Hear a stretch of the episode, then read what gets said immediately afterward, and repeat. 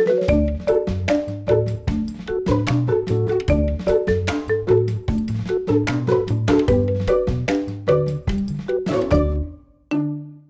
och välkommen tillbaka till Blödigt värre, podcasten om livet med blödarsjuka som görs i samarbete med CSL Bering. Med mig, Johanna Powers Darlington, som programledare. Idag ska det verkligen handla om blod. Vi ska prata mens.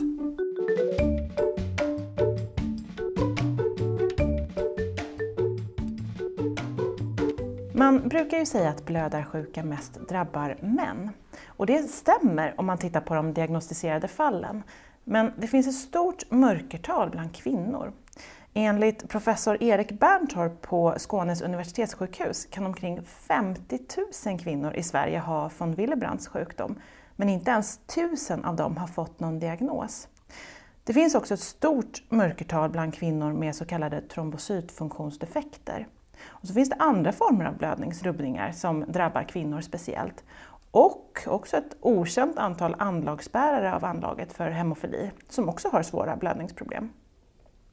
Gemensamt för dem är att de precis som alla andra kvinnor blöder varje månad under ja, kanske 40 år av sitt liv. Och gemensamt också är att det där med mensen är krångligare än för kvinnor utan blödarsjuka. En av dem är du, Lollo Urbansdotter. Hej! Hej! Vi sitter här på ditt kontor ifall ni som lyssnar hör dina kollegor chitchatta i bakgrunden. Mm. Du tillhör en av de tusen som fått en diagnos. Kan inte du berätta lite? Ja, men det stämmer. Jag har den formen som heter von Willebrand syndrom och har varit diagnostiserad sedan 2001. Men har ju, alltså jag har haft problematiken ända sedan jag var, sedan jag var liten. Mm. Men blev först utredd 2001 och mm. fick diagnosen och började medicineras i samband med utredningen. Hur gammal var du då? 24 år var jag då. 2001. Mm. Hur var det för dig när du fick din första mens? Hur gammal var du? Ja, men jag fick det ganska tidigt. Jag var någonstans redan mellan 12 och 13 år. Fick jag det. Så jag fick det tidigt. Och då var det väldigt problematiskt för att jag hade ju väldigt stora blödningar. Eh, och hade liksom problem att vara i skolan och blödde igenom allt och fick liksom vara sängliggande och sådär. Var du, sänglig, då var du sängliggande hemma? Mm, mm. Eh, det var jag, men det var ju också... Jag tappade så mycket blod då ja. under menstruationsperioderna. Eh, så att det blev ju också sjukhusbesök och att få ligga på sjukhus också för att det blev en sån blodförlust och järnbrist och en massa komplikationer i samband med det. Um, och då valde man att ganska tidigt sätta in olika preventivmedel och hormoner som jag åt för att det var ett sätt att försöka dämpa blödningarna. Eh, eftersom de inte tittade på eller utredde om det var någon blödardefekt mm, okay. istället. Då. Mm. Hur funkade det då? Ja men det funkade väl, jag minns att det funkade i perioder vet jag när jag, jag fick äta p-piller då väldigt tidigt för att det skulle vara dämpande liksom. Och det funkade väl till viss del, men det var ju fortfarande väldigt mycket så, har ju varit under alla år, att under, dem, alltså under den veckan som jag hade mens så fick man ju begränsa det man skulle göra. Mm. För att det gick inte att ta sig alltid från punkt A till B för att man visste att hur mycket skydd man än har så blöder man igenom. Men hur mycket blödde du? Ja, det är ju jättesvårt att, att, att svara på hur mycket men, men säg att man... Nej, man mäter ju aldrig kanske, men säg att man har både liksom tampong och tjockaste bindan så byter du, alltså du blöder kanske igenom var tolfte, fjortonde minut kanske. Så att det är liksom, mm. det rinner liksom, mm. det är mycket. Man blöder igenom kläder. Och, mm. och i den åldern så var det också sådär urjobbigt när man stod och pratade med någon i skolan och det liksom rinner på golvet.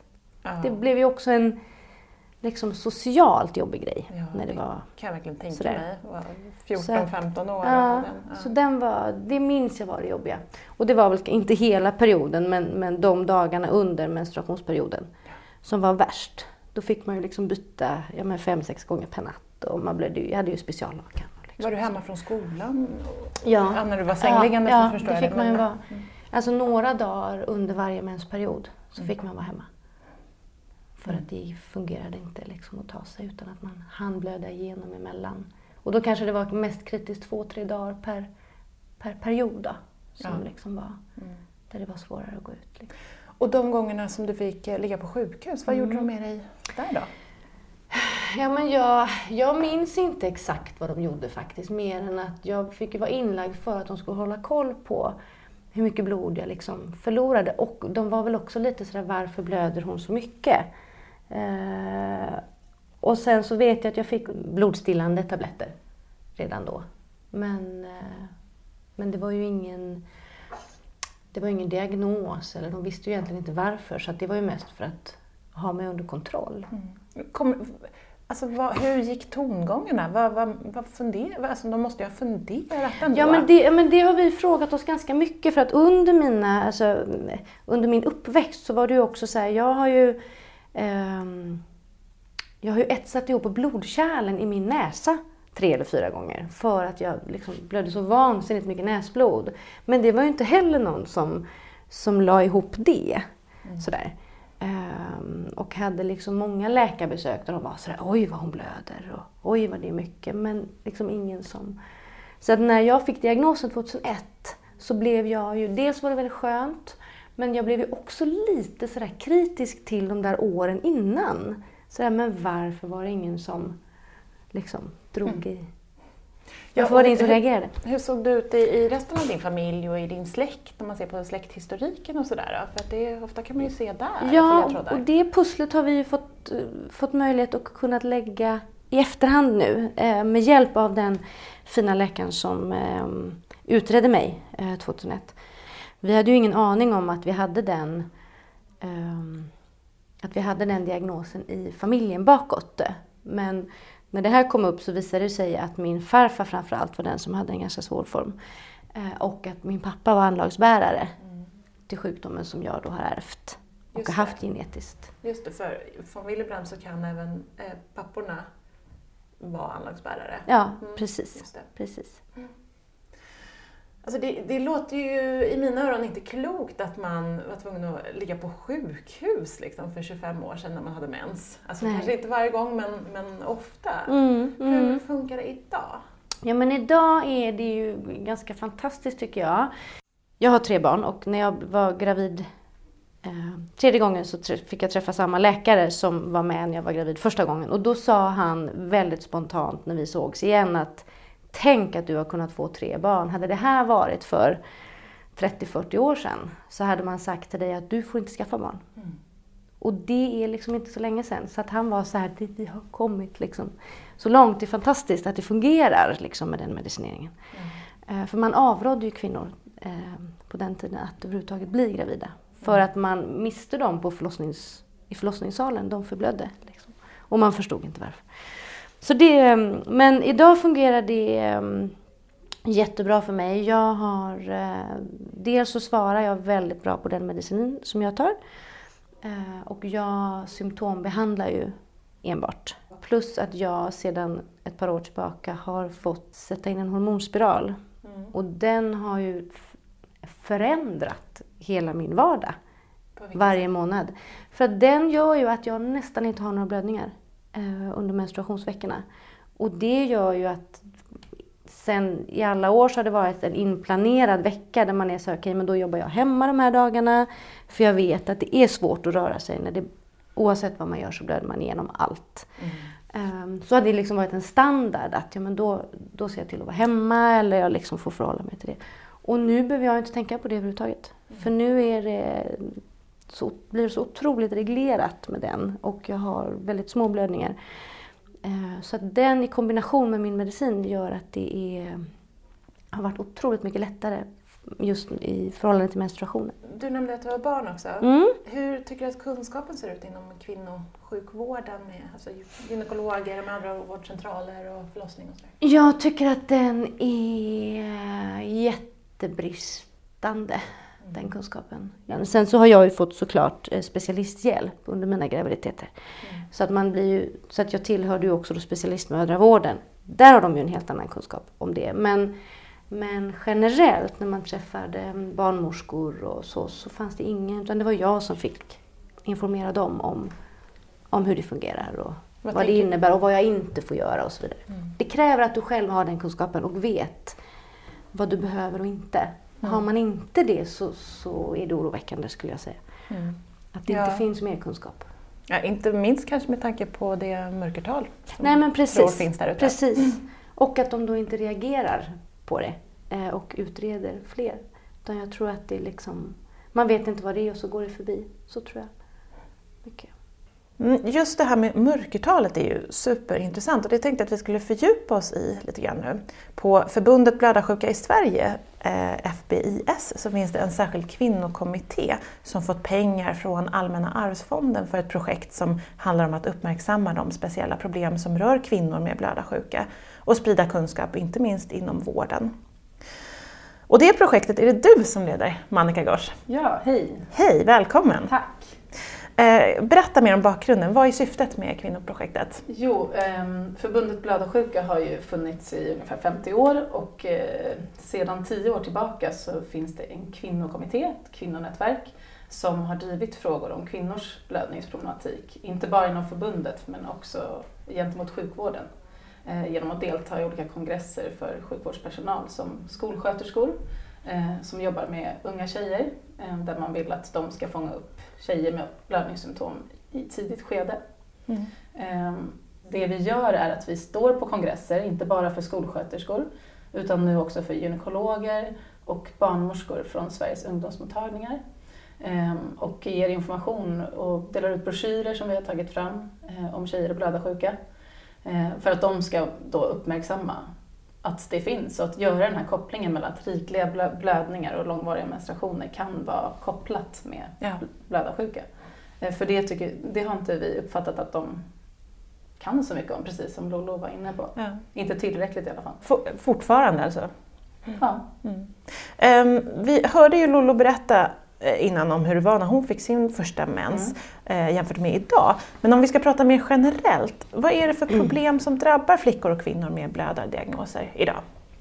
Alltså många upplever fortfarande, som Lollo var inne på där, att eh, när man har de här långvariga och rikliga menstruationerna att det är väldigt både socialt hämmande, eh, att man missar skola, att man kanske väljer att men jag går inte på lektioner för att jag kommer blöda igenom. Mm.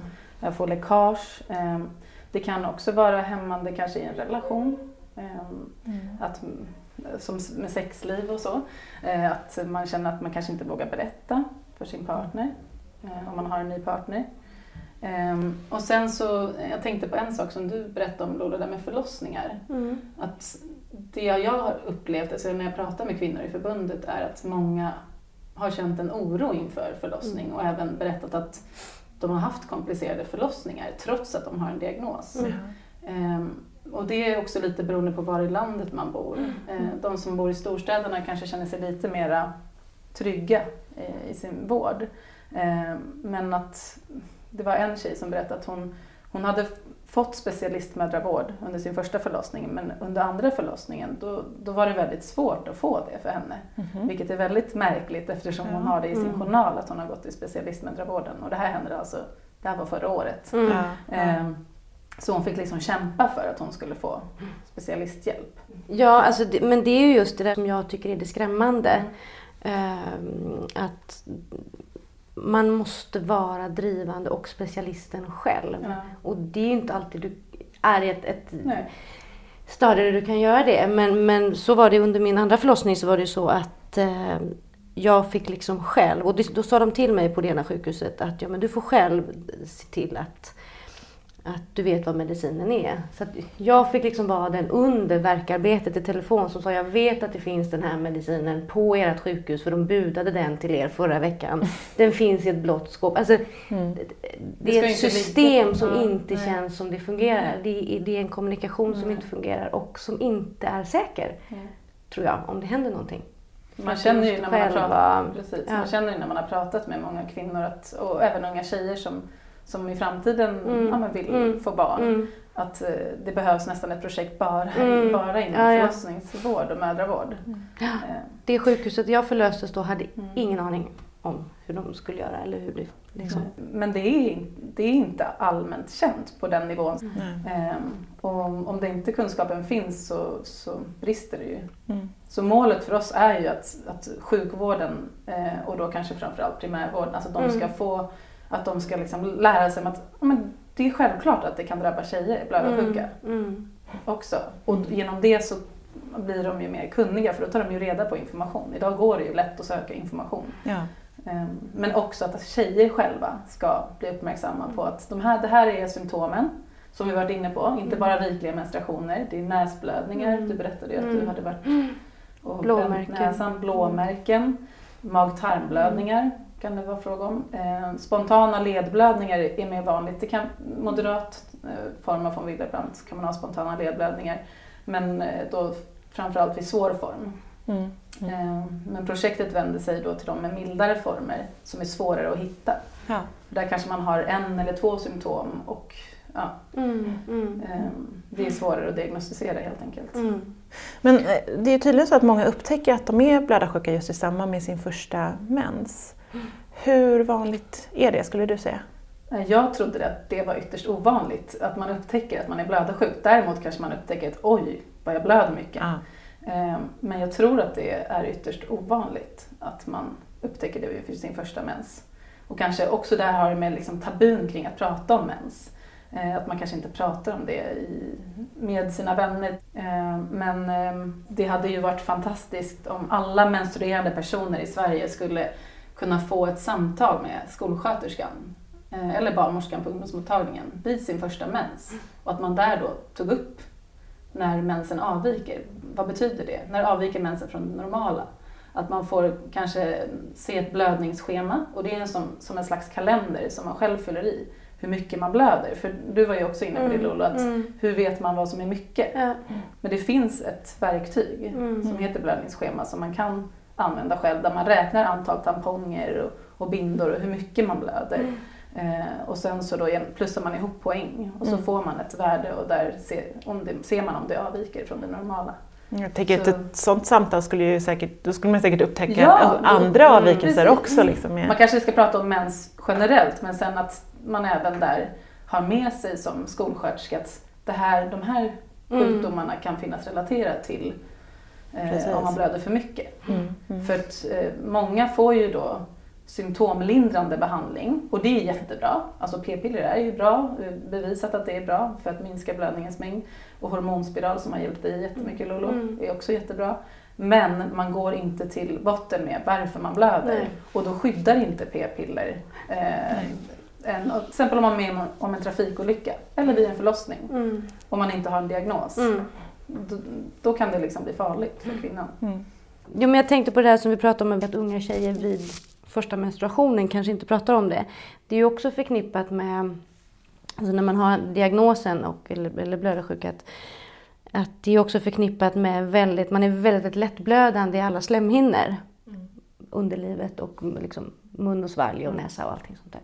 Vilket gör ju att man i samband med sex eh, väldigt, väldigt lätt kan få väldigt stora blödningar. Vilket kan vara jättejobbigt med en ny partner eller liksom när det plötsligt är.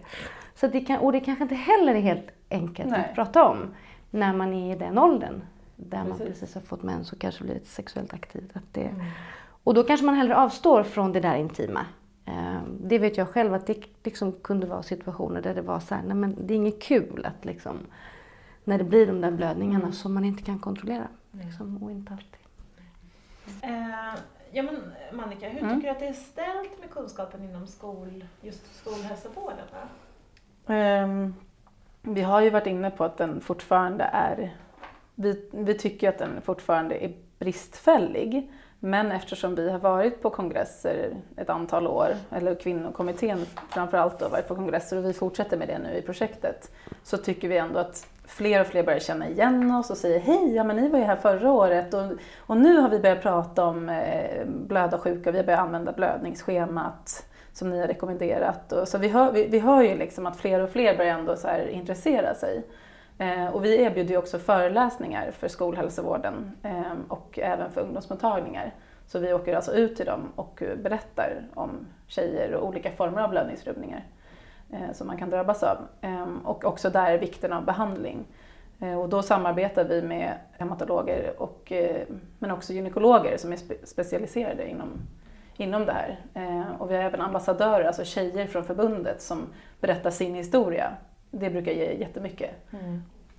Ni har ju en bra checklista i er broschyr som ni delar ut. Vi kanske ska dra den, alltså saker som kan vara ett tecken på en blödningsrubbning och ja, som tyder på att det är dags att ta kontakt med sjukvården.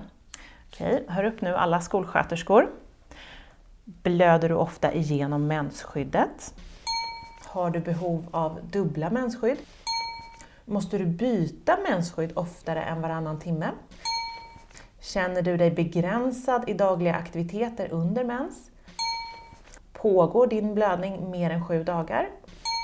Påverkar mensen påtagligt din livskvalitet? Orsakar din mens järn och blodbrist? Ja, det, det är de. Det är den listan. Ja. Men vad ska man vända sig då om man känner igen sig i det här?